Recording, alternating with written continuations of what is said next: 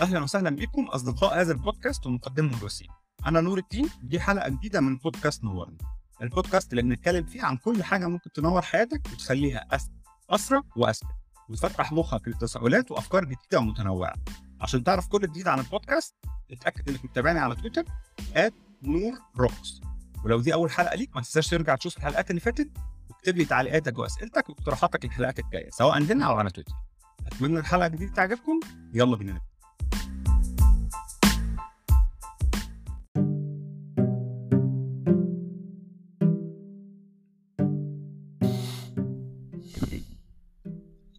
وإحنا على مشارف عام جديد.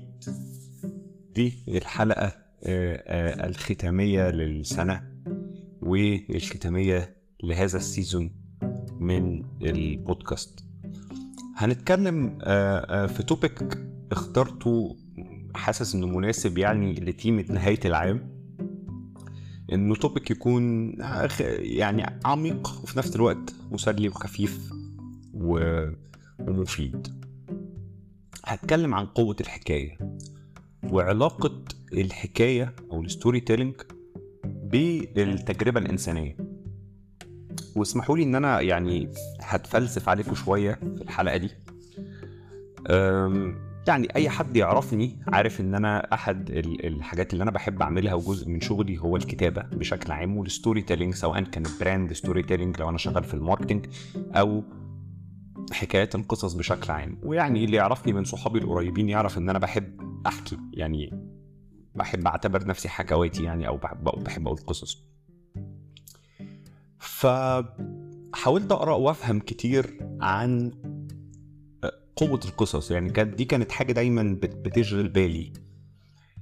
أه على مدار التاريخ كان ال storytelling أو الحكي والقصص هي طريقة البشر عامة لمشاركة مشاعرهم ومبادئهم وأفكارهم وخبراتهم في الحياة. سواء كانت عن طريق إن هم يقروا قصص يتفرجوا على قصص يسمعوا قصص. ال ال الحكاية ليها قوة قادرة تلمسنا كلنا. الحكاية مش بس بتسمح لنا نكونكت ون... ون... ون... ونقرب من بعض لا بتسمح لنا كمان إن إحنا نكتشف ونستكشف التجربة الإنسانية. أه فكر كده في في في مجموعة ضخمة من ال traditions موجودة عند البني آدمين زي القعدة حوالين النار في ال camp وحكي الحكايات والغنى. القصص والأساطير. آه، حكايات باباك ومامتك وانت قبل ما تنام بالليل هما بيحكوا لك حكاية قبل النوم. ال ال الحكي الحكي عامة هو أو القص القصص يعني حتى لو بصيت في الديانات هتلاقي فكرة القصص في الديانات موجودة بشكل عميق. مفيش كتاب مقدس مفيهوش قصص مفيش آه ثقافة أو شعب ما عندوش مجموعة من القصص والأساطير المؤسسة ليه أو لأفكاره. فالحكاية بتجمعنا كلنا. وأنا كواحد كان بيدرس content marketing يعني وبيدرس content creation جزء من ال course اللي كنت بدرسه كان ليه علاقة بالحكاية قوه الحكاية. وكنت بشرح فيه يعني ال art بتاع ال storytelling ومراحل الحكاية وده كله كلام هنخش وهن... وهنتكلم فيه يعني. بس أنا عايز أديكم مقدمة تحضركم أكتر للي جاي. فمن ضمن الحاجات اللي, اللي كنت بحب أوريها للناس كانت إعلان مشهور لايكيا الإعلان ده عبارة عن الاتي لمبة محطوطة في بيت واللمبة دي شغالة بس قديمة وبيجي صاحب البيت يشيل اللمبة على كتفه. والمخرج بيورينا البيت من من زاوية أو من وجهة نظر كم يعني كأن الكاميرا محطوطة فوق اللمبة والبيت واللمبة عمالة تبعد عن البيت وهي بتخرج بره وتتحط في الشارع في الزبالة على الأرض يعني وبعد كده الدنيا بتضلم وإحنا جاي الكاميرا جايبة لنا اللمبة. هحط لكم link الاعلان دوت في ال show notes يعني. والكاميرا جايبة اللمبة والدنيا وهي بتضلم. بعد كده الدنيا بتضلم عليها وبتبتدي تمطر. وبعدين جايب لك الكاميرا من زاوية كأن اللمبة بتبص على الشباك. وجايب لك لمبة جديدة حاططها صاحب البيت مكان اللمبة القديمة. و zoom بيروح ما بين الاتنين كانه كأنهم شخصين. ومزيكا حزيني طول الإعلان. كنت دايما باجي أوقف عند النقطة دي وأسأل الناس الناس اللي في الكورس احكوا لي أنتوا شفتوا إيه دلوقتي وحسيتوا بإيه؟ فابتدوا يحكوا لي حكاية اللمبة اللي هو إن اللمبة دي يا عيني آه لمبة قديمة وصاحبها رماها وهي قاعدة بره بتبص على اللمبة اللي جوه الجديدة وزعلانة وحاسة إنه أنا ليه رماني؟ ما أنا لسه ما أنا لسه شغال عادي آه وما بقتش قديمة يعني. وقلت لهم طب أنتوا حسيتوا بإيه ناحية اللمبة؟ قالوا حاسين إن إحنا زعلانين عشانها يعني إن هي مرمية في الشارع والدنيا ضلمة وتمطر عليها مع المزيكا الهادية مع مع, مع يعني مع مؤثرات وتريجرز كتير في الإعلان خلت الناس تتعاطف مع اللمبة. نهاية الإعلان كانت كوميدية وبتستغل نقطة التعاطف مع اللمبة دي بإن هي تقول بيجي راجل يقول له آه أنت زعلان على اللمبة ليه أنت عبيط؟ دي لمبة ما بتحسش واللمبة الجديدة أحسن هو إعلان للمبة في ايكيا ولكن أنا كنت بحب أستخدم الإعلان ده كبداية للحلقة دايما علشان هو بيوري قد إيه قوة الحكاية قد إيه مخنا كبني آدمين بي بيشوف القصة أو الحكاية في كل شيء لدرجة إن لمبة لا شعور لها وجماد قدرنا بس نتيجة شوية تريجرز من المزيكا وحركة الكاميرا نتخيل لها قصة لأن إحنا مخنا مربوط بالقصص. فالحلقة دي هتحاول نستكشف مع بعض قوة الحكاية وعلاقتها بالتاريخ وعلاقتها ب... ب... بالنفس الإنسانية وحاولاتنا لفهم نفسنا والفهم العالم. وعشان نستكشف الثيمة دي هنستخدم أو هنستعير يعني concept مشهور ممكن يكون ناس كتير منكم سمعوا عنه. especially اللي شغالين في ال content creation أو ال marketing اسمه ال monomyth أو رحلة البطل. إيه رحلة البطل دي؟ رحلة البطل دي ببساطة جه جوزيف كامبل ودوت كاتب مش فاكر جنسيته إيه. كان مهتم عنده اهتمامات عن يعني عميقة ب بالقصة والحكاية وبالأساطير الشعبية وبالأساطير وبال... وبالروايات وكده. ودرس مجموعة ضخمة من القصص والروايات ومن الأساطير القديمة وتوصل للتالي إنه في ناراتيف أو في خلينا نقول يونيفرسال تمبلت للحكاية. إنه في حاجة اسمها قصة البطل وهي حاجة أو باترن بيظهر في أغلب القصص الشعبية والأساطير القديمة و و وموجود بشكل يتخطى فكرة الصدفة يعني موجود متكرر بشكل يتخطى فكرة الصدفة. وابتدى يحاول يدرس الموضوع وهو كان عامة يعني عنده متأثر جدا كمان بكارل يونج عالم النفس النمساوي وتلميذ فرويد الشهير اللي كان أحد أفكاره المهمة هي ال collective unconscious أو الوعي الجمعي. ودي حاجة هنتكلم عنها قدام شوية. وكان شايف أو بيحاول يعني بيشوف إنه فكرة قصة البطل اللي إحنا هنتكلم عن تفاصيلها وإيه هي مراحلها وإزاي بتنطبق على كل الروايات والقصص والأفلام اللي إحنا نعرفها لأن هو pattern زي ما قلنا متشاف في كل الحكايات ليه علاقة. بالتجربة الإنسانية بشكل fundamental جدا يعني مربوط بطريقة اللي إحنا بنفهم بيها نفسنا وبطريقة بنفهم بيها العالم وبالطريقة اللي إحنا بنبقى self aware بيها وبتتنقل المعلومات ما بين ال conscious وال unconscious عند الإنسان وال وال وال والسايكي بتاع البني آدمين. وكمان إزاي الفكرة أو القصة دي بتربط ما بين ال personal growth بتاع البني آدمين وبتربط ما بيننا كلنا.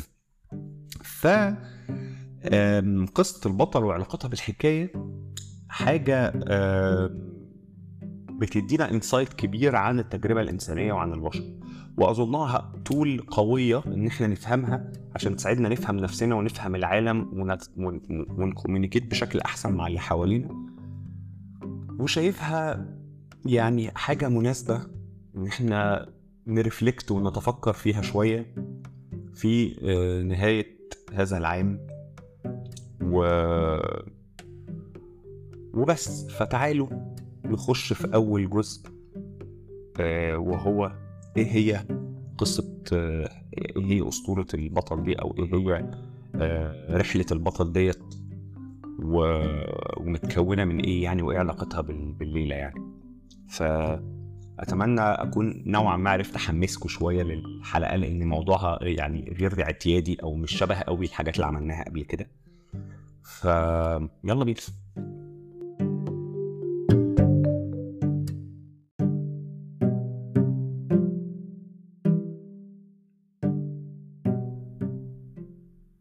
إيه هي بقى؟ رحلة البطل دي.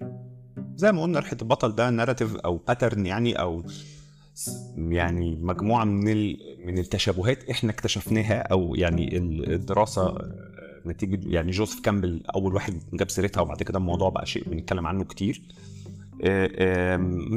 عبارة عن تشابهات موجودة في أغلب القصص و بقى يعتبر universal pattern بيعكس ال growth بتاع الفرد من الناحية ال psychological والروحية بشكل عام. وفكرة ال self awareness وارتباط الوعي الجمعي للإنسان بال cohesive whole بشكل عام. فالرحلة دي تقدر تشوفها كطريقة لاستكشاف وربط اعماق النفس البشرية ومحاولة فهم الوعي الجمعي عند البني آدمين. طيب رحلة البطل دي بتتكون من 15 مرحلة. ركزوا بقى معايا وتخيلوا وهديكوا examples على كل مرحلة عشان تبتدوا تفهموا. وهي عادة لو كتبت the hero's journey على جوجل هيطلع لك صور كتير وهي بتبقى في شكل دايرة. يعني الرحلة بتبتدي من عند رقم واحد وانت بتمشي في المراحل دي تلف لغاية ما ترجع لرقم واحد تاني. فالمرحلة الأولى هي مرحلة الأوردينري وورلد أو العالم التقليدي. وهنا رحلة البطل بتبدأ في العالم التقليدي في حيث كل شيء معتاد وممل والحاضر اللي هو الحاضر. عادة بتكون دي نقطة البداية للرحلة ودي بتمثل حياة البطل الطبيعية يعني قبل ما المغامرة تبتدي. مثال هاري بوتر وهو قاعد مع عمته ال abusive وعمه قبل ما يكتشف إن هو wizard يعني. كاتنس في Hunger في Hunger Games وهي عايشة في District 12 قبل ما يتم اختيارها لل Hunger Games بيلبو باجنز في Lord of the Rings وهو عايش في the Shire قبل ما يتم ال recruitment بتاعه لقصة ال Lonely Mountain دي. بعد كده كل بطل بيمر بمرحلة the call to adventure أو ال ال ال النداء للمغامرة. وهنا بي بيتم دعوة البطل لحدث أو لتجربة بتؤشر لبداية المغامرة. وعادة هذا الدعوة للمغامرة بتكون أول خطوة في خروج الإنسان من العادي للمجهول. زي ما هاري بوتر مثلا جات له جاله جواب هوجورتس زي ما كاتنس تم اختيارها للمشاركة في ال Hunger Games زي ما بيلبو بيلبو باجنز تم اختياره من جاندلف انه ينطلق في رحلة ال Lonely Mountain. ولكن ودي المرحلة الثالثة وهنتعمق فيها سنة هنا مع بعض ال refusal of the call رفض النداء. دايما البطل بيرفض في البداية هذا النداء للمغامرة. وده نتيجة الخوف أو الشعور بأنه مش جاهز لهذه المغامرة. ودي حاجة خلينا نقول إن هي inherent عند البني آدمين؟ رفض التغيير الخوف من المجهول. ففكرة refusal of the call حاجة ingrained جوانا قوي. هي فكرة الخوف من المجهول والخروج من ال comfort zone blah blah blah واللي بنسميها حاجات كتير إحنا قوي. زي مثلا لما هاري بوتر في الأول رفض فكرة إن هو يبقى wizard زي ما كاتنس في الأول كانت رافضة إن هي تشارك في ال Hunger Games زي ما بيلبو بيلبو في الأول كان رافض إن هو يروح يشارك في رحلة ال Ring وبعد كده دايما بنمر بمرحلة meeting the mentor اللي هي المرحلة الرابعة اللي هو مين ال mentor أو مقابلة المعلم يعني. المعلم ده بيبقى عادة شخصية wise و experienced حكيمة وعندها خبرة كبيرة في الحياة بتساعد البطل إنه يفهم طبيعة الرحلة ويستعد ليها. البطل ده ال guide أو ال mentor ده مش شرط خلاص يكون إنسان حقيقي أو كائن مادي أحيانا بيبقى inner guide أحيانا بيبقى حركة أو حاجة داخلية جوه البني آدم بتقابله أو نداء روحاني أو أو ارتباط بقوة كبرى زي التدين أو غيره. بس بالنسبة للحكايات يعني هتلاقي مثلا زي ما هاري بوتر قابل دامبلدور زي ما كاتنس قابلت هيميتش زي ما بيلبو قابل جاندالف وبعدين crossing the threshold أو تخطي ال ال ال ال العقبة الأولى. إيه العقبة الأولى؟ أو اللي هو الخط الفاصل ما بين العادي والغير عادي أو الخط الفاصل ما بين دي المرحلة الخامسة يعني. الخط الفاصل ما بين ال ال الحياة التقليدية وحياة المغامرة. ودي دايما بتبقى مرحلة صعبة لأنه هنا بقى البطل بيترك خلفه كل ما هو آمن وكل ما هو فاميليار ومعتاد وبينطلق في رحلته لمواجهة آه، المجهول زي ما هاري بوتر بيركب القطر وبتاع. وبعدين المرحلة السادسة واللي موجودة في أغلب القصص وهي tests allies and enemies. الاختبارات وبيواجه فيها البطل مجموعة من الاختبارات وبيبتدي يكتشف خلال الرحلة مين هم أعدائه ومين هم أصدقائه ودي يعني رحلتنا في الحياة كلنا بنواجه اختبارات متتالية وبنعرف من المواقف والاحتكاكات مين معانا ومين ضدنا. وده بيمثل عامة معركة البطل الداخلية آه، والخارجية يعني محاولاته لفهم نقط قوته وضعفه ال conflict اللي جواه واللي براه مين ضده ومين معاه. زي ما هاري بوتر آه، بيبتدي آه، يعرف ال- ال families المختلفة في هوجورتس ويعرف مين صحابه ومين ضده. زي ما كاتنس بتبتدي آه، تكون صداقات في Hunger Games وزي ما بيلبو آه، بيبتدي يواجه بقى ال- ال- جولم و- والاختبارات المختلفة اللي بيواجهها خلال الرواية يعني. وبعدين بنخش على أول مرحلة مهمة الاقتراب من الكهف. إيه مرحلة الاقتراب من الكهف؟ هي مرحلة آه، رمزية بتمثل ال- الكهف ده هو مكان رمزي بيمثل الاقتراب من أكبر مخاوف وقلق البطل اللي هي نقطة ال- ال- التحول في القصة أو نقطة مش في القصة نقطة التحول في رحلة البطل. النقطة اللي بي اللي بيقرب منها البطل من مواجهة شياطينه زي ما بيقولوا الداخلية اللي هي أكتر حاجات هو بيخاف منها كإنسان. مثلا زي ما هاري بوتر ابتدى يواجه خوفه من آه، آه، فولدمورت في في Department of the Mystery أو زي ما ما كاتنس ابتدت تواجه فكرة إنها ممكن فعلا تموت في Hunger Games أو زي ما بيلبو ابتدى يواجه آه، آه، جبنه كإنسان في معر- معركة ال five armies أو زي ما سيمبا في Lion King قابل نالا وقالت له آه، ارجع وخد أرض العزة وهو ابتدى يواجه نفسه بخوفه الداخلي إن هو اللي قتل باباه زي ما سكار فهمه. وبعد كده بنعدي في المرحلة الثامنه وهي أهم أو يعني أصعب مرحلة وهي الأورديل أو المحنة. وهنا البطل بيعدي بالمحنة الرئيسية بال- بالخوف الرئيسي ب- بذروة ال- الرواية أو بذروة ال ال ال الألم. وده اللي بنسميه ال rite of passage أو اللي بنسميه الخطوة اللي لما ال- اللي لما بيعد لما بيقدر يواجهها البطل بيعدي في مرحلة ال transformation وال growth هنا النقطة الرئيسية ال crucial في رحلة البطل اللي بيواجه فيها نفسه بيواجه فيها ال- ال- ال- القيود اللي عليه وال limitations ويبتدي يحاول ي realize ال potential بتاعه. زي ما هاري بوتر آه، واجه ال resurrection stone وأدرك إن هو لازم يموت علشان فولدمورت آه، يهزم.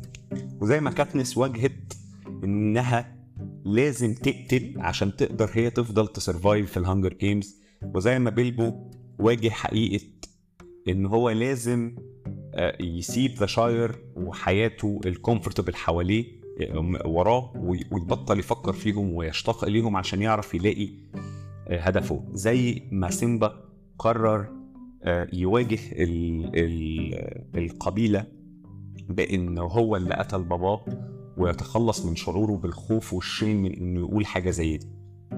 وهنا بيب... لما ده بيحصل لما بيواجه الخوف ولما بيقرر إن هو يبقى جزء من دايرة الحياة بيتلقى في المرحلة التاسعة المكافأة مكافأة الرحلة. وهنا الرحلة دي بنقول آه، المكافأة دي مش شرط تاني تكون آه، كنز حقيقي. هي برضو آه، رمز symbolic للنمو وال transformation والتحول اللي بيحصل للإنسان أو للبطل يعني. ده بي بي بي ده بي بيوضح لنا أو بيورينا آه، إدراك البطل لنفسه ولقيمته. وعادة ده بي بيجي معاه شعور بال accomplishment وال fulfillment يعني. زي ما هاري بوتر قدر إن هو يتلقى ال philosopher stone كنتيجة أو كجايزة لل bravery وال determination بتاعه.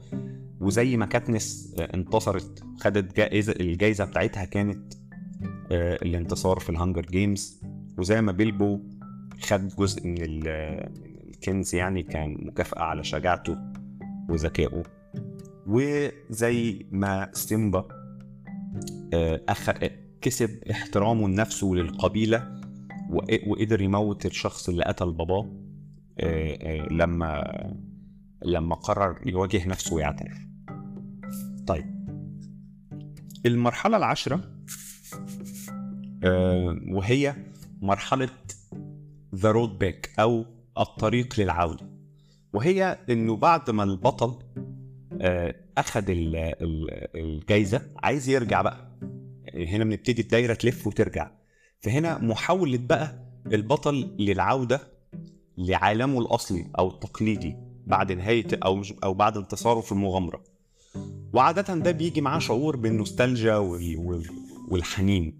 زي ما هاري بوتر بعد ما انتهت مغامرته في هوجورتس دايما بيرجع لأيامه ودراسته الطبيعية في المدرسة.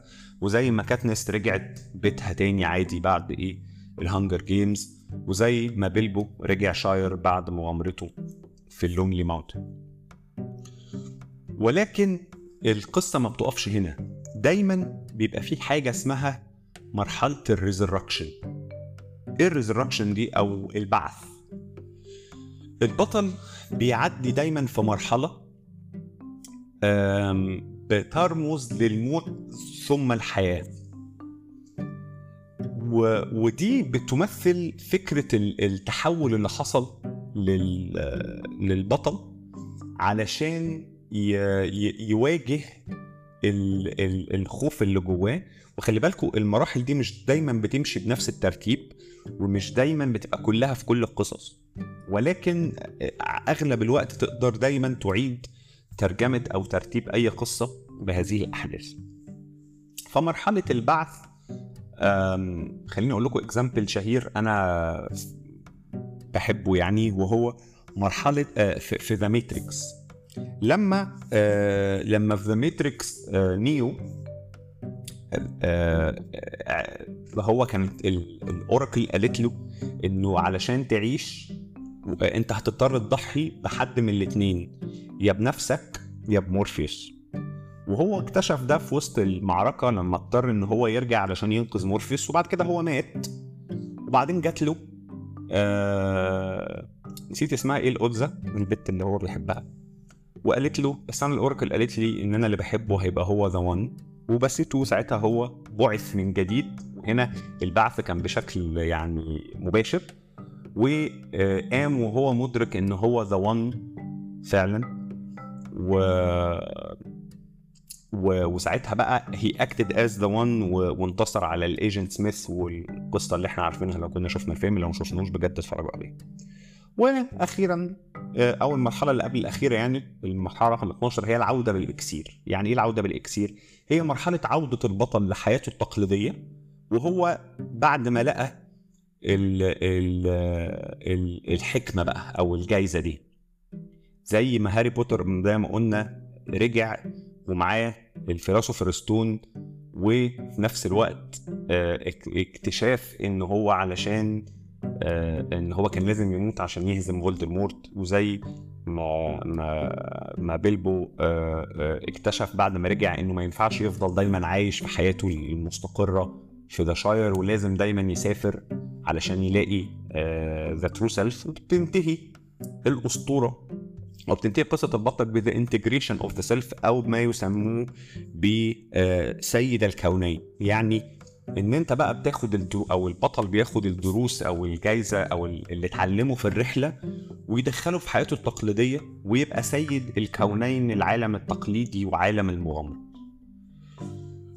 والقصة دي يعني آه، أنا مش عايز يعني لسه هخش في تفاصيل أكتر بس أنا دلوقتي كنت عاوز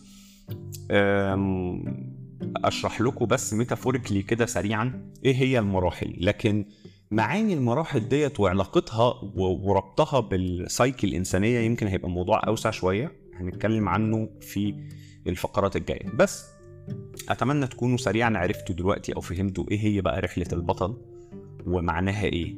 وهي ببساطة هعيدها تاني بشكل سريع. انه البطل بيبتدي حياته في عالم تقليدي ثم بي- بيتم دعوته للمغامرة.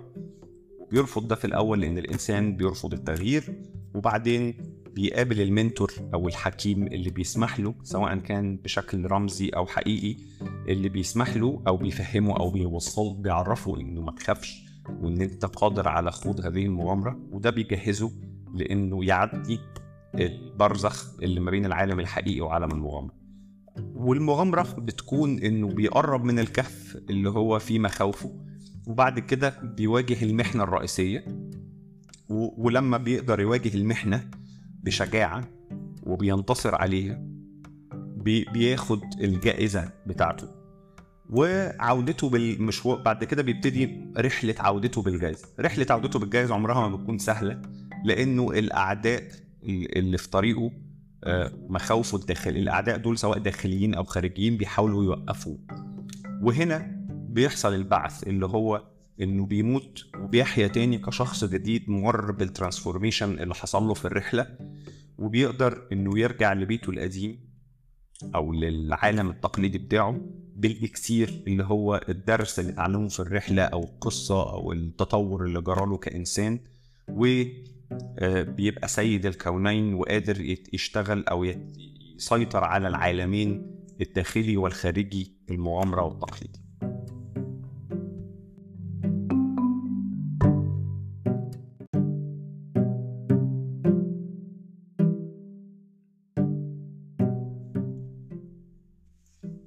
فهمنا رحلة البطل مراحلها إيه و... والفكرة بتاعتها جت منين. هنبتدي نتكلم في التجليات المختلفة للفكرة بتاعت رحلة البطل وعلاقتها بالنفس الإنسانية و آم، ب... ب... ب... بالتيمات المختلفة المتعلقة بالحكاية. ممكن قوي إن إحنا نبص لرحلة البطل كطريقة آه، بتعكس التجارب ال- ال- الأصيلة عند البني آدمين ومخاوفهم الأصيلة اللي موجودة آم، عند أغلب البشر المتعلقة بمحاولتنا لفهم إحنا مين ومكاننا إيه في العالم وإيه دورنا وإحنا ليه اتوجدنا ومطلوب مننا نعمل إيه. مخاوف طبيعية موجودة عند أغلب البني آدمين.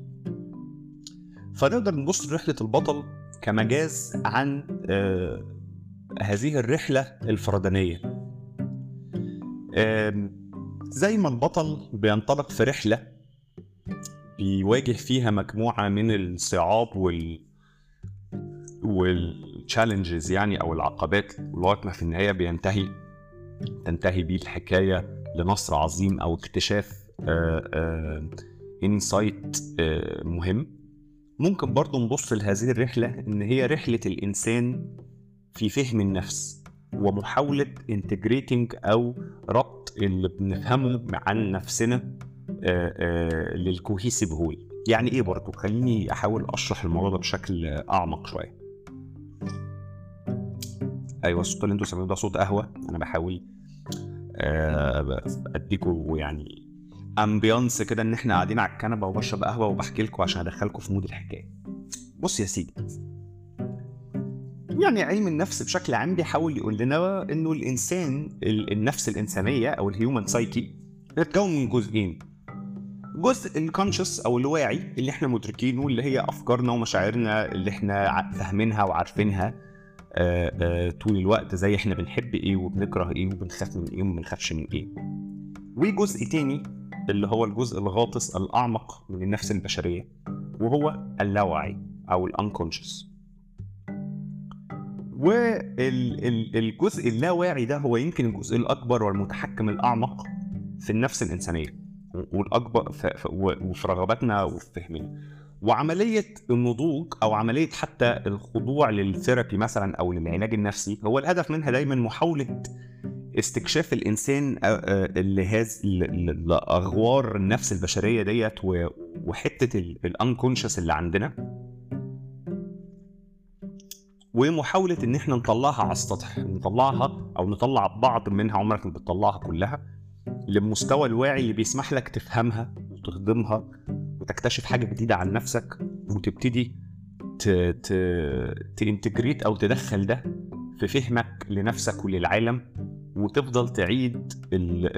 الرحلة دي انترنالي بأشكال مختلفة ومتنوعة ومتعددة وهي ده اللي بنسميه النضوج أو اللي بنسميه النمو الإنساني أو النمو الداخلي أو اللي بنسميه الماتيوريتي أو اللي بنسميه الاستكشاف الداخلي أو يعني ليه- أسامي كتير بنسميها آه، من جوه.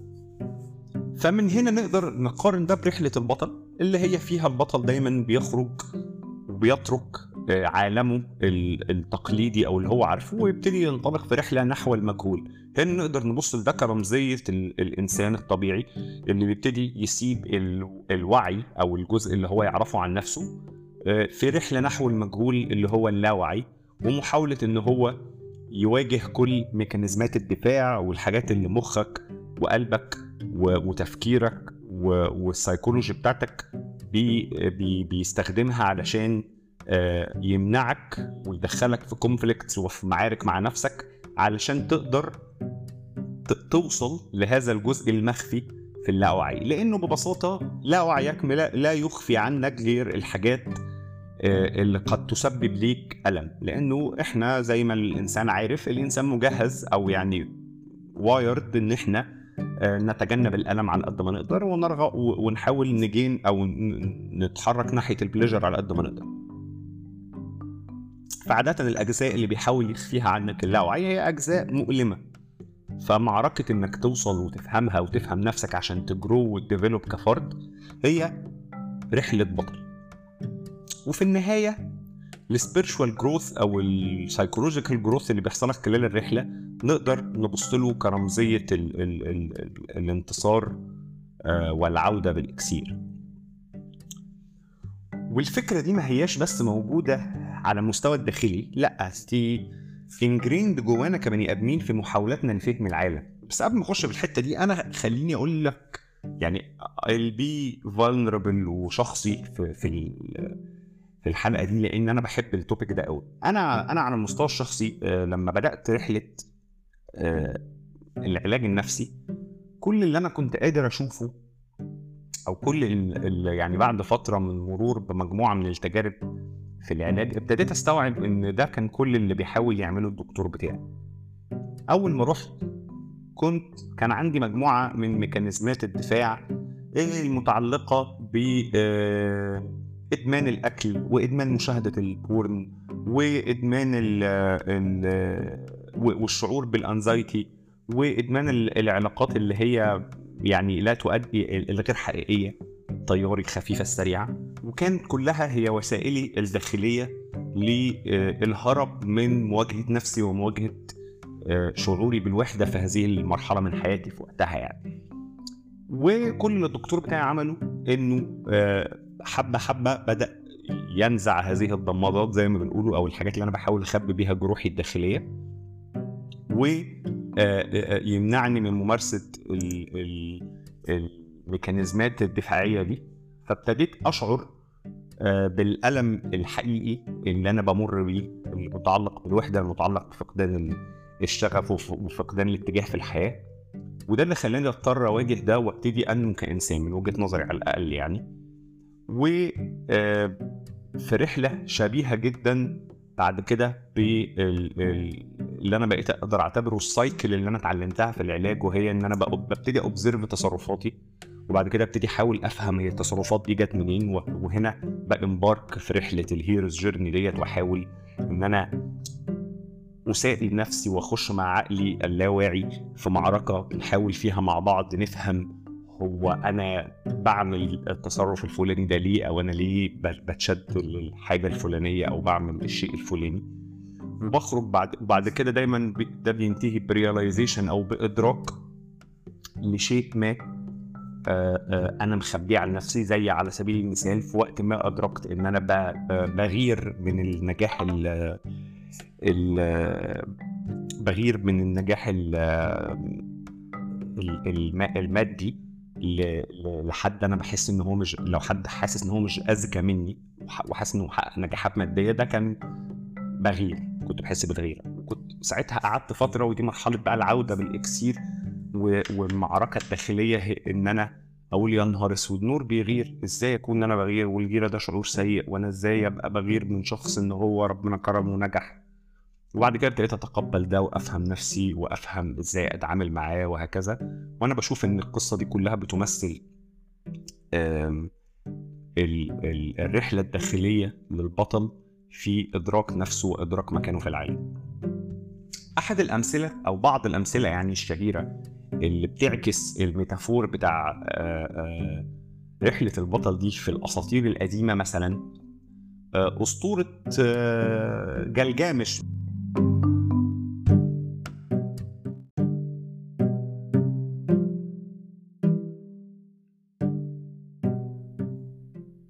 أو بلاش جلجامش خلينا نخش في قصة أشهر شوية.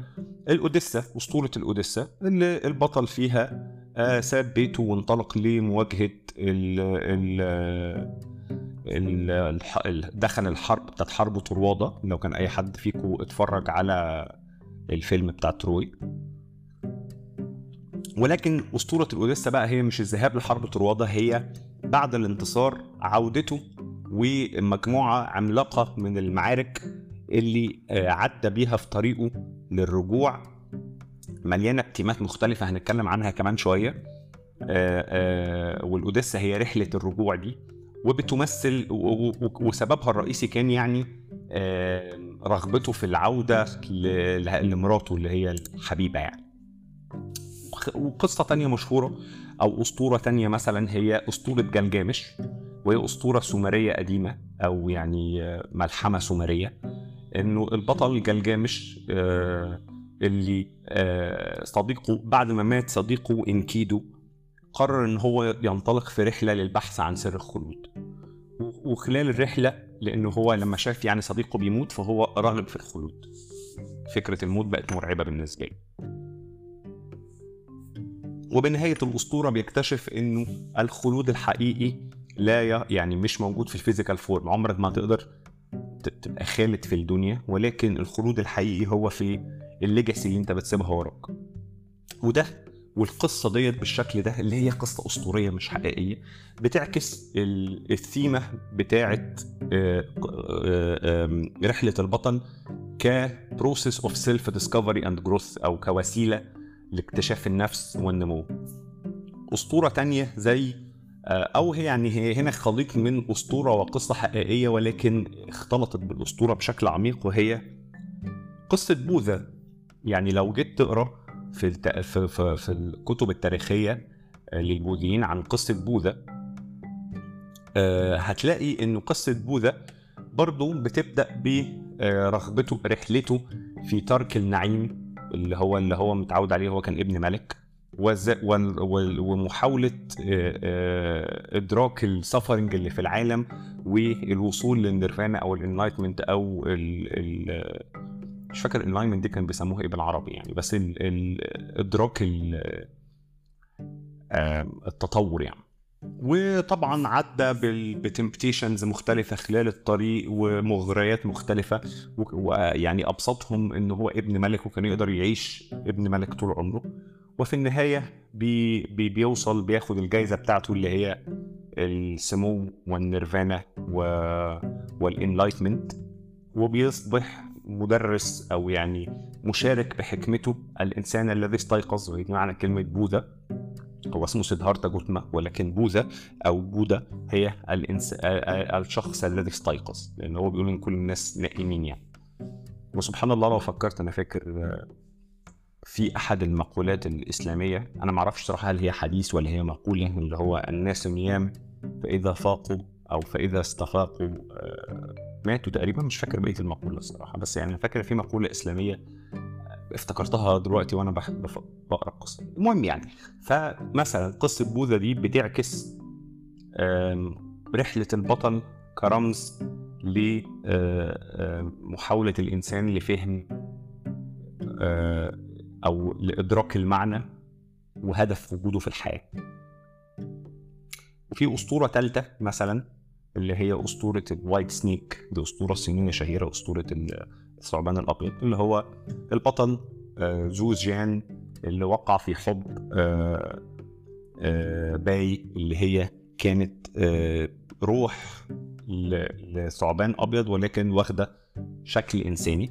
ولكن حبهم آه، كان آه، معترض عليه أو مرفوض من ال monks أو الشيوخ اللي موجودين في القبيلة وكانوا بيحاولوا إن هم يوروا العالم ال true identity بتاعة ال snake دوت اللي هو بيمثل الشر من وجهة نظرهم.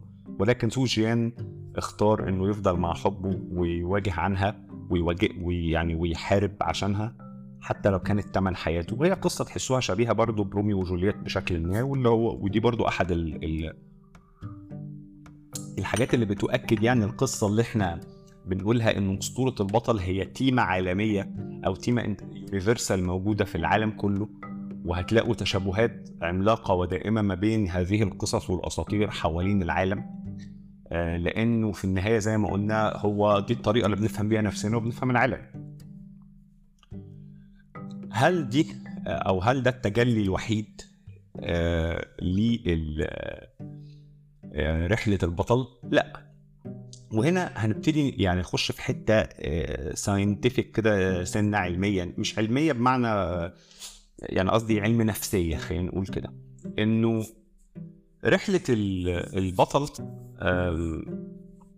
لو دخلنا في في في اعتبارها رمز لل collective unconscious ودي النقطة اللي اتكلم عنها كارل يونج أو رمز للوعي الجمعي عند الإنسان. ومحاولة ال connection ما بين الوعي الجمعي ده عند البني آدمين كلها ومحاولة استكشاف ال... ال... ال...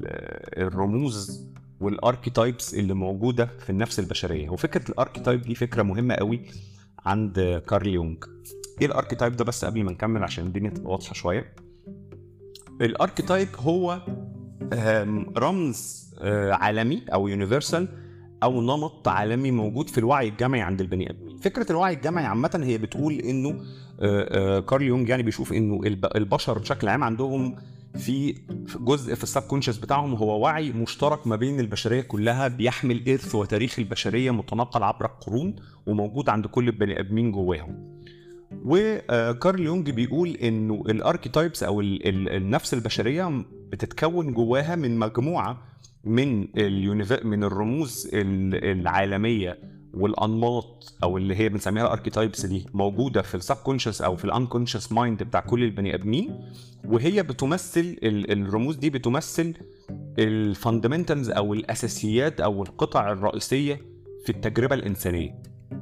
والرموز دي زي إيه؟ رمز الأم رمز الأب رمز ال ال ال shadow النفس. آه، وعشان كده الرموز دي بتتمثل بشكل اوتوماتيك أو بشكل غير واعي بنطلعها في القصص وفي الأساطير وفي ال religious traditions للثقافات المختلفة.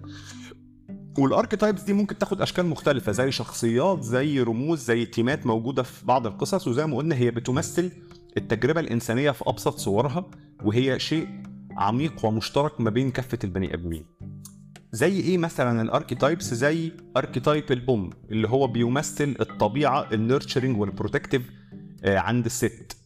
آه، وهنا هنا يعني لو قعدنا بقى نخش في قصة ودوت تشابهات ما بين دوت فين عند المسلمين وفين في الثقافات الهندية وفي الثقافات البوذية هتلاقوا إنه التيمة بتاعه الأم اللي هي مش شرط تكون ست بس اللي هي ال concept اللي بيمثل الأنوثة اللي هو بيمثل فكرة العطاء وال nurturing والخصوبه والحب الأم الأموي واللي هو الأم يعني maternal love وال childbirth دي رمز قوي وموجود جوه النفس الإنسانية عندنا كلنا. على الجانب الآخر رمز اللي هو بيسميه الأب واللي هو اللي بيمثل ال- القيادة والسلطة عند ال male يعني وإيه؟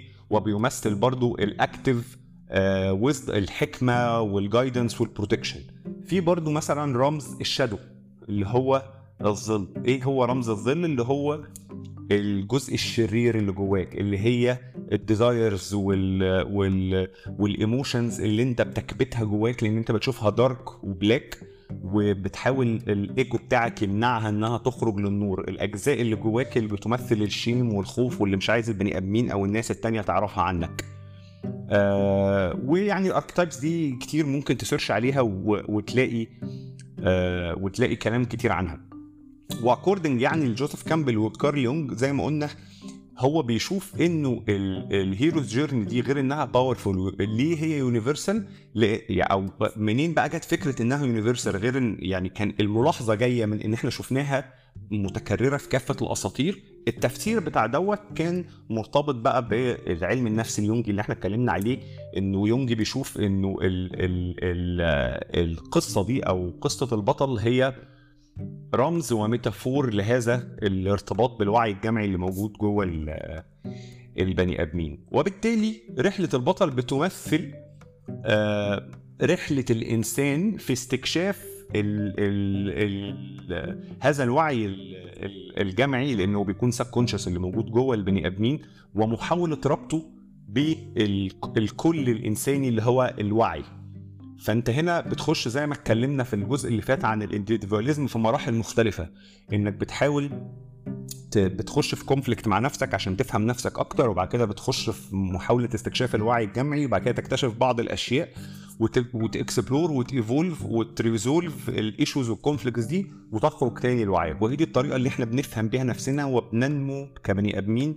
وهي دي مش ممثل بس لرحلة النمو الإنساني لأ هي هي ممثل ل لنمو ال- ال species بتاعتنا كبشر عامة والتطور بتاعنا الإنساني بشكل عام. وهي كمان رحلة البلوغ بتاعة ال- ال- الطفل وبعد كده إزاي يبقى شاب ومروره بمرحلة البلوغ سواء البلوغ العقلي أو البلوغ الجسدي وغيره. فهي زي ما أنتم شايفين تيمة متكررة. و- ومربوطة بأفكار كتير قوي عندنا آه، كبني آدمين و بشكل عميق ومتداخل. ف مش عارف إذا كانت الفكرة يعني قدرت أوصلها لكم بالطريقة اللي أنا عايزها آه، ولا لأ. ولكن آه، خليني أحاول تاني ألخص ال- القصة. الوعي الجمعي للبني آدمين أو ال- ال- ال- الحكاية هي شيء موجود جوه الإنسان بشكل عميق و ingrained جواه وبيتمثل في في pattern universal أو عام آه، اكتشفوا آه، جوزيف كامبل وبعد كده ناس تانية كملت وراه اللي هو بيسميه رحلة البطل وهي ال 15 مرحلة اللي اتكلمنا عليها. واكتشفنا من من المشاهدة أو من ال observation إنها متكررة في كافة القصص اللي موجودة في الأساطير وفي القصص اللي بنحكيها لنفسنا وفي القصص ال- ال- الشعبية وفي الروايات وفي الحكايات وفي أي شكل من أشكال الحكي أو الحكاية اللي بيعمله البني آدمين واكتشفنا كمان بناء على دراستنا لعلم النفس وفهمنا للإنسان إنه. فكرة ال storytelling وفكرة رحلة البطل هي metaphor قوي جدا لتجليات مختلفة في النفس الإنسانية أو في النفس البشرية لأنه بيمثل رحلة البلوغ عند. عند الطفل بيمثل رحلة استكشاف النفس بيمثل فهمنا لنفسنا وللعالم حوالينا بيمثل مجموعة من ال traditions موجودة في الديانات والتقاليد المختلفة وبيمثل رحلتنا في محاولة استكشاف ال... الوعي الداخلي لينا. أو ال subconscious بتاعنا وال archetypes المختلفة اللي هي الجزء ال fascinating فيه إنه رغم إنها رحلة فردية لكل شخص ولكن في نفس الوقت الرموز أو ال archetypes دي زي ما كارل يونج بيقول هي ال fundamentals بتاعت ال human experience يعني هي أساسيات التجربة الإنسانية. وبالتالي رغم إنها فردانية وكل واحد بيمر برحلة البطل بتاعته لوحده في نفس الوقت كلنا مرتبطين ببعض بهذا الوعي الجمعي ففي النهاية الرحلة دي هي رحلة البشرية بشكل عام internally فإحنا مربوطين بشكل عميق ببعض كلنا حاجة واحدة بشكل لم نكن ندركه من قبل. ويعني آه، هتفرع منها لحظة آه، ويعني هخش في hyperlink إنه أحد ال- ال- الحاجات المبهرة اللي الواحد قرأ عنها قريب وابتدت تربط الفكرة اللي أنا لسه قايلها دلوقتي دي بالعالم الفيزيائي بقى. وهي فكرة ال quantum entanglement معرفش حد فيكم قرأ عنها أو فهم الفكرة دي ولا لأ. وهي مش فاكر مين اسمه إيه العالم يعني اللي اخذ عنها نوبل السنة دي في الفيزياء. وهي فكرة مرعبة جدا كانت موجودة من أيام أينشتاين من قبله كمان ولكن كانوا كل علماء الفيزياء في هذا العصر بيرفضوها وما كانش في أدلة عليها. هي اللي جرى إنه يعني عملوا مجموعة معينة من التجارب وقدروا يثبتوا وجود ال quantum entanglement إيه ال quantum entanglement ده؟ لو جبت يعني هبسطها لكم يعني لو جبنا ذرة وقطعنا الذرة دي بسكينة نصين وبعدنا الذرة دي بعدنا النص بعدنا النصين دول عن بعض مثلا آلاف السنين الضوئية. يعني خلاص مش مرتبطين ببعض بشكل فيزيائي مباشر ابدا. اللي العلماء اكتشفوه أو اللي أثبتوه يعني هي الظاهرة دي شافوها قبل كده بس ما كانش عندهم إثبات عليها إنه إذا أنت عملت أي تغيير في في النص في نص الذرة الأولاني نص الذرة التاني اللي على بعد مئات السنين الضوئية اللي مفيش أي علاقة واضحة ما بينه وما بين النص الأولاني اللي مش مربوط بيها بشكل فيزيائي ما زال بشكل ما بيدرك التغيير اللي حصل للنص الأولاني وبيتفاعل معاه كأن التغيير ده حصل له هو كمان. فده دليل على إنه الطاقة بتاعتنا بشكل أو بآخر معرفش بقى نقدر نوصف ده إزاي متصلة. والثقافات القديمة والسبيشالي الثقافات الشرقية اللي بتتكلم عن فكرة إن الإنسان إن طاقة ال- إن طاقات البشر كلها حاجة واحدة وإن ال... ولو حد فاكر لما اتكلمنا في حلقة شوبنهاور عن آه، آم، فكرة ال- آه، إرادة الحياة وإن ال... وإن الحياة كلها عبارة عن آم، حاجة واحدة اسمها إرادة الحياة بتتمثل في شكل البني آدمين. ففكرة إن إيه- كل الأشياء شيء واحد أو إن إحنا كلنا connected ببعض على مستوى عميق إحنا مش فاهمينه ابتدى يبقى ليها كمان دلائل في الفيزياء اللي هي حاجة صعبة قوي ان تلاقي عليها دليل على شيء زي ده. ما مش ما عنديش فكرة أو مش قادر أقول لك دوت what does this mean أو ده ممكن يكون ال implications بتاعته إيه في المستقبل بس هي حاجة مبهرة يعني أو حاجة تستحق إن الواحد يتأمل فيها ويفكر فيها ويحاول ينسى يمكن العصر الحديث اللي إحنا فيه اللي بيزق البني آدم أكتر إنه يبقى وحيد إنه يبقى individual إنه يبقى فرد لوحده وينسى دوره كجزء من مجموعة. لأنه اللي بتقوله قصة البطل اللي بيقوله علم النفس اللي بيقوله quantum entanglement اللي بتقوله الثقافات الشرقية اللي بيقوله حتى أغلب الديانات وهي إنه مفيش حاجة اسمها فردانيه أو مش مفيش يعني بس ال- الفرد أو الإنسان ما هوش وحيد. أنت مش لوحدك.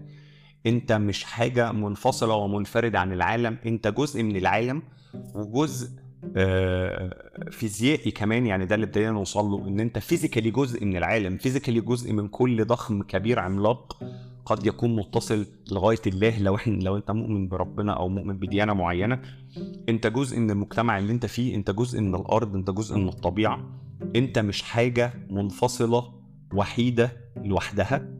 انت جزء من كل معرفش حاسس انها فكرة مريحة للنفس انك تعرف انك أو تحس انك جزء من العالم. وفي نفس الوقت فكرة مخيفة لأن بحس انها بتحط عليك قدر من المسؤولية. بما انك جزء من الكل فانت جزء من المعاناة فانت جزء من اللي بيحصل في كل مكان. انت ما ينفعش تسيب انت عليك مسؤولية ان انت تحاول ترفع الألم والأذى عن العالم و... وتبقى إنسان أفضل.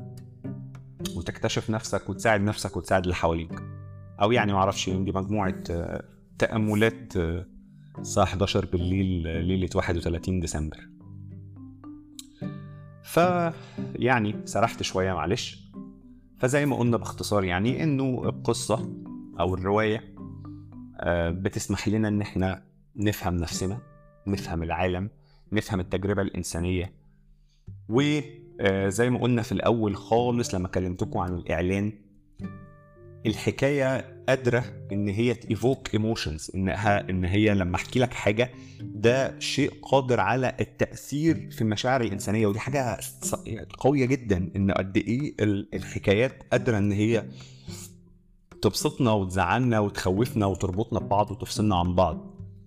وعشان كده إحنا بنحب السينما وبنحب القصص وبنحب الأفلام وبنحب الروايات. وبنحب الديانات لو إحنا مرتبطين بديانة معينة لأن هي من الآخر مجموعة من القصص اللي بتربطنا ببعض. انتمائك لنادي معين كمشجع كروي مثلا هو في النهاية انتمائك لقصة عامة بي بيقولها أصحاب هذا ال- ال- الفريق إنهم آه، الصفوه أو إنهم آه، نادي الشعب ال- ال- المظلومين أو إنهم ال- آه اللي فوق الجميع يعني كمان على المستوى المصري أو ايا كان شكل الرواية أو القصة اللي بتجمع هذه المجموعه من الناس اللي بتشجع نادي. الديانة ايا كانت الديانة اللي بتنتمي ليها أو المجموعه اللي بتنتمي ليها هي برضو عبارة عن مجموعة من القصص الجماعية اللي إحنا بن- بنرتبط بيها collectively تخلق sense of belonging موجود عندنا كلنا قصص أو أساطير مؤس... يعني آه، آه، مؤسسة. زي مثلا ما إحنا شايفين إنه الإنسان حكايته هي إنه طرد من الجنة بعد ما آدم مش عارف عمل إيه فإحنا دورنا في الأرض إن إحنا نعمرها علشان ربنا يرجعنا تاني لما نموت آه، ليوم الحساب. ما دي قصة وهذه القصة إحنا إي- إيماننا بيها هو اللي بيربط ما بين أصحاب هذه الديانة ببعض. وعلى الجانب الآخر المسيحيين عندهم قصتهم واليهود عندهم قصتهم والمجوس عندهم قصتهم واللي بيعبدوا زوس و... و... و... وبيعبدوا الحجر وبيعبدوش حاجة خالص عندهم قصتهم. ف ف فالقصة حاجة قوية حاجة قوية بشكل آه، آه، أتمنى إن الناس تكون ابتدت تستوعبه دلوقتي. في الأجزاء أو في الجزء يعني مش عارف كم جزء بالظبط اللي جايين إن أنا بهري كتير هتكلم عن حاجتين هم اللي فاضلين حابب أتكلم فيهم. بعض ال examples من ال من ال literature والفيلم والميديا بتوري قد إيه ال- الحكاية قادرة إنها تفهمنا نفسنا والعالم. وهتكلم هنا عن آه، فيلم زي The Matrix ورواية زي The Alchemist وعلاقتها بتيمه رحلة البطل. آه وبعدين في الفقرة الأخيرة وأظن ده هيبقى جزء أنتوا أتمنى تحبوه. هتكلم عن إزاي بقى إحنا نهارنس هذه القوة. وإزاي نستفيد من فهمنا لقوه الحكاية وإزاي ده يسمح لنا إن إحنا نحسن فهمنا لنفسنا وللعالم ونحسن حياتنا وعلاقاتنا بالبشر اللي حوالينا ونبقى compassionate أكتر و empathetic أكتر. وبني آدمين أفضل بشكل عام وأتمنى إن نهاية هذه ال... ال... البودكاست أو نهاية هذه الحلقة تبقى جزء من رحلة بطل جديدة بتسمح لك إنك تطلع بإكسير في نهايتها فيلا بينا نخش على هذه الفقرة.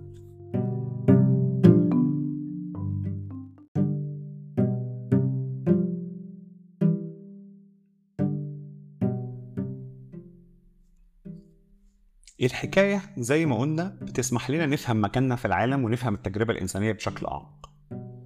والقصص وفكرة power of storytelling وفكرة ال hero's journey تم استخدامها كتير جدا في الأدب وفي السينما واتبنت أو اتحكت قصص أو حكايات كتير بناء على فكرة أصلا آه، رحلة البطل. يعني مش الموضوع بالعكس هم حكوا القصة ولقوها ملائمة لقصة البطل لا هم استخدموا ال framework بتاع قصة البطل عشان يحكوا حكاية.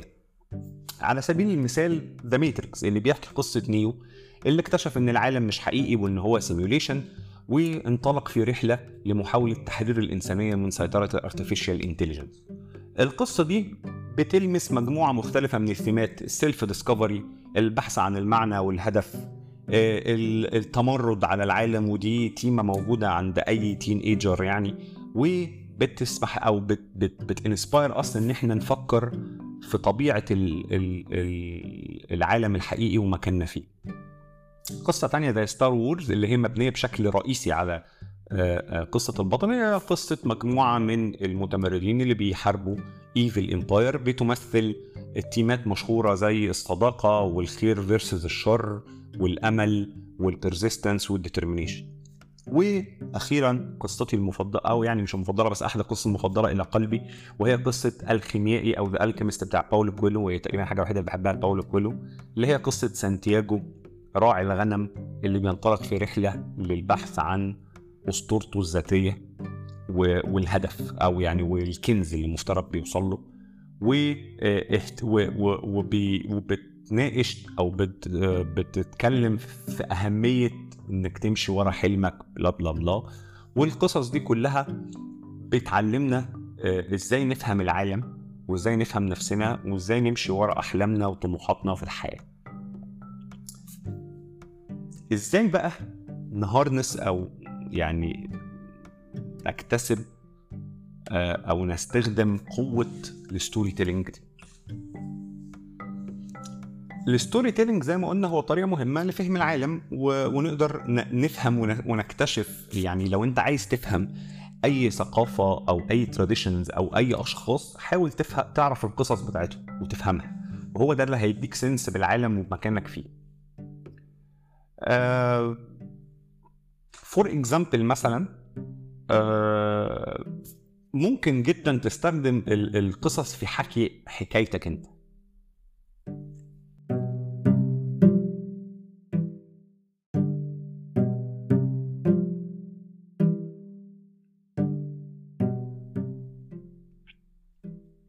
لما بتبتدي تفهم إيه حكايتك أو تحاول تعرف إيه هي حكايتك بتبدأ طريقك لل personal growth وال self discovery وسماع حكايات الناس بيسمح لك إنك ترتبط بيهم وتبني علاقات أقوى وأعمق. مش بس كده استخدام الحكاية في محاولة آه، إيصال رسائلك السياسية وال change وال social justice هي اللي بتساعد الناس برضو على الحركة والتغيير. فإيه هي بعض الأشياء اللي أنت ممكن تعملها عشان تستخدم الحكاية كاستراتيجية لفهم النفس وال- والنمو؟ حاول تفهم قصتك. اعرف إيه هي ال key themes إيه هي ال challenges وال triumphs اللي أنت عملتها خلال حياتك واللي شكلت أنت مين دلوقتي. وبالمناسبة كلنا عندنا قصة داخلية كلنا عندنا في خيالنا قصتنا الخاصة بتاعت إحنا مين وحياتنا مشيت إزاي وعدينا بإيه عشان نبقى الإنسان اللي إحنا فيه وإيه هي انتصاراتنا وإيه هي انكساراتنا. حاول تفكر في القصة دي وتفهمها وتفهم إيه هي ال archetypes وال symbols اللي بتظهر فيها. وده بيمثل إزاي في حياتك وبيتمثل إزاي وإزاي تفهم نفسك أكتر وإزاي تستخدم ده علشان تعيد حكاية قصتك بشكل ي frame ها بطريقة positive وتسمح لك إن أنت تبقى فعلا بطل قصتك وتعرف أنت مين في هذا العالم وعاوز إيه. حاول ت reflect على ال lessons وال وال وال insights اللي أنت بتف... قدرت توصل لها من قصتك الشخصية. أنا مثلا لما قعدت أفكر في وقت ما كنت بقول إنه أنا مش شخص يعني بيحب قوي إنه يعمل tattoos مثلا أو كده. ولكن طول الوقت أما كان حد بيقول لي كنت بقول له بص أنا في تاتو واحد فكرت فيه يوما ما في حياتي ولو عملت يوما ما في حياتي تاتو مثلا هيكون هو ده. وهو حاجة اسمها الاونا لومي وهو رمز بوذي شهير. آه، يعني لو سرشتوا عليه هتلاقوه عبارة عن خطوط متعرجة كده في الأول عكس بعض وبعد كده بتبتدي التعرجات تقل لغاية ما تبقى خطوة واحدة وفي الآخر نقطة. وهو بيمثل الإنر ستراجل أو المعركة الداخلية اللي بتحصل جوه البني آدم لغاية ما بيوصل للصفاء النفسي وبعد كده نقطة ال nirvana. طول الوقت كنت بحس إن دي قصتي قصة الشخص اللي بيحارب شياطينه الداخلية وبيحاول ومر بتجارب معينة آه، بعضها كان صعب وبعضها آه، ساعده إن هو آه، يتخطى هذه ال demons ويتطور وقابل في مدار حياته allies و enemies كتير. وبيعتبر نفسه project لم يكتمل ولن يكتمل ابدا في محاولة التطور و و و وال evolving وال self discovery شخص عنده آه، قدر عملاق وضخم من الفضول ناحيه ناحية نفسه وناحية العالم وبيحاول يستكشفه طول الوقت. دي قصتي عن نفسي. فكل ما أفكر في القصة أو التفكير في القصة دي سمح لي في أوقات كتيرة إن أنا أقرر أعمل إيه في حياتي. زي إن أنا قررت أعمل البودكاست دي أو قررت إن أنا أبقى creator أو content أو إن أنا أسيب آه، شغلي الرئيسي كمهندس وأمشي في طريق إن أنا أبقى creator أو content creator لأني شفت إنه دي دي قصتي ودي حياتي إنه أنا شخص فضولي يرغب في استكشاف العالم ومشاركته مع الآخر وده كان سبب برضو رغبتي وحبي الدائم للسفر. ففهم نفسنا وفهم قصصنا وفهم آه، إحنا هنا ليه وبنعمل إيه وبنعمل ده إزاي يمكن يساعدنا نعيش حياة مش عايز أقول أفضل أو أسوأ بس اتليست حياة ماشية مع قصتنا. والحاجة التانية المهمة إن إحنا نعرف وأنا عارف إن ده يبدو كلام كليشيهي ولكنه حقيقي إنه أنت اللي بتكتب قصتك. أنت في النهاية اللي هتحدد قصتك هتمشي إزاي. وممكن تستخدم كمان الحكاية كوسيلة لل self expression يعني استغل فهمك ومعرفتك بحكايتك لأنك لو أنت يعني عندك هذه الميول الفنية إنك ت create فن أو مزيكا أو حكاية inspired بقصتك الشخصية. وأظن لو دورنا أو قرينا في أجمل ال ال القصص الأدبية أو الأعمال الفنية هنلاقيها دايما هي اللي خرجت من من قصص ذاتية أو من فهم لصراعات داخليه أو أو أو رحلة شخصية. وأغرب ال... وأغلب المخرجين الكبار مثلا لو سألتهم هتلاقيهم بيقولوا لك إن أنا ما بعملش الأفلام دي للناس أنا بعمل الأفلام دي لنفسي لأن أنا ما كنتش أقدر ما أعملش الأفلام دي. لأن هي في النهاية حاجة بتزقه لأنه express himself ويحكي قصته بالوسيلة اللي هو يعرفها اللي هي مثلا صناعة الأفلام. وأخيرا أو مش وأخيرا يعني ولا حاجة بس استخدم الحكاية في إنك تبني علاقات ما بينك وما بين الناس. شارك قصصك وحاول آه، آه، تجمع الناس حواليها لأن القصة الذاتية هي قصة عامة. في النهاية قصتك ما هياش الوحيدة وفي ناس كتير شبهك وافهم إن الناس ليها قصصها. و و و embrace فكرة ال pattern وإن كلنا واحد لأن هو ده اللي هيسمح لك تعيش كإنسان آه، جزء من كل مش وحيد فرداني لوحده. و يعني أحب أنهي ال- ال- الحلقة بأن أنا أفكركم تاني بقوة الحكاية وبتأثيرها علينا كبشر وبأني اشجعكم تقروا أكتر في القصة و وت... و... و... وت share حكايتك زي ما أنا بحاول أ share حكايتي معاكم علشان تفهم نفسك وتفهم العالم حواليك أكتر. و يا ريت ت share وا الحكايات دي في ال comments أو أو على ال social media أو معايا بشكل أو بآخر. آه، share حكايتك مع الناس اللي حواليك. اعمل بلوج اعمل جورنال اكتب حتى لنفسك. خليك يعني استخدم الحكاية كوسيلة لإحداث فرق حقيقي في المجتمع اللي أنت عايش فيه. وده اللي أنا بحاول أعمله لما بحكي مثلا حكايتي المرتبطة بالاكتئاب بفكر دايما إنه يمكن يمكن الحكايات دي تحسس شخص ما إنه مش لوحده اللي بيعاني من ده و... و... وأقدر أساعده إنه يتخطاه بشكل أو بآخر زي ما في غيري آه، عمل دوت وساعدني إن أنا أتخطاه. آه، اتكلموا واحكوا واستخدموا الحكاية عشان تفهموا العالم وتفهموا نفسكم. وبصوا على ال show notes هحط لكم link ات ظريفة كتير آه، متعلقة بهذا ال- ال topic الجميل. و يعني أتمنى ليكم آه، سنة جديدة فيها تحكوا فيها حكاياتكم و... وتبنوا حكايات جديدة. والحلقة دي يمكن أكتر يعني حلقة قريبة إلى قلبي ولكن في نفس الوقت حاسس إنها كان فيها قدر من العشوائية. فأتمنى إن هي تكونوا طلعتوا منها بحاجة في النهاية. آه، هي كانت حاسس انها مجموعة من الأفكار الغير مترابطة حوالين شيء أنا بحبه. آه، وكل سنة وأنتم طيبين.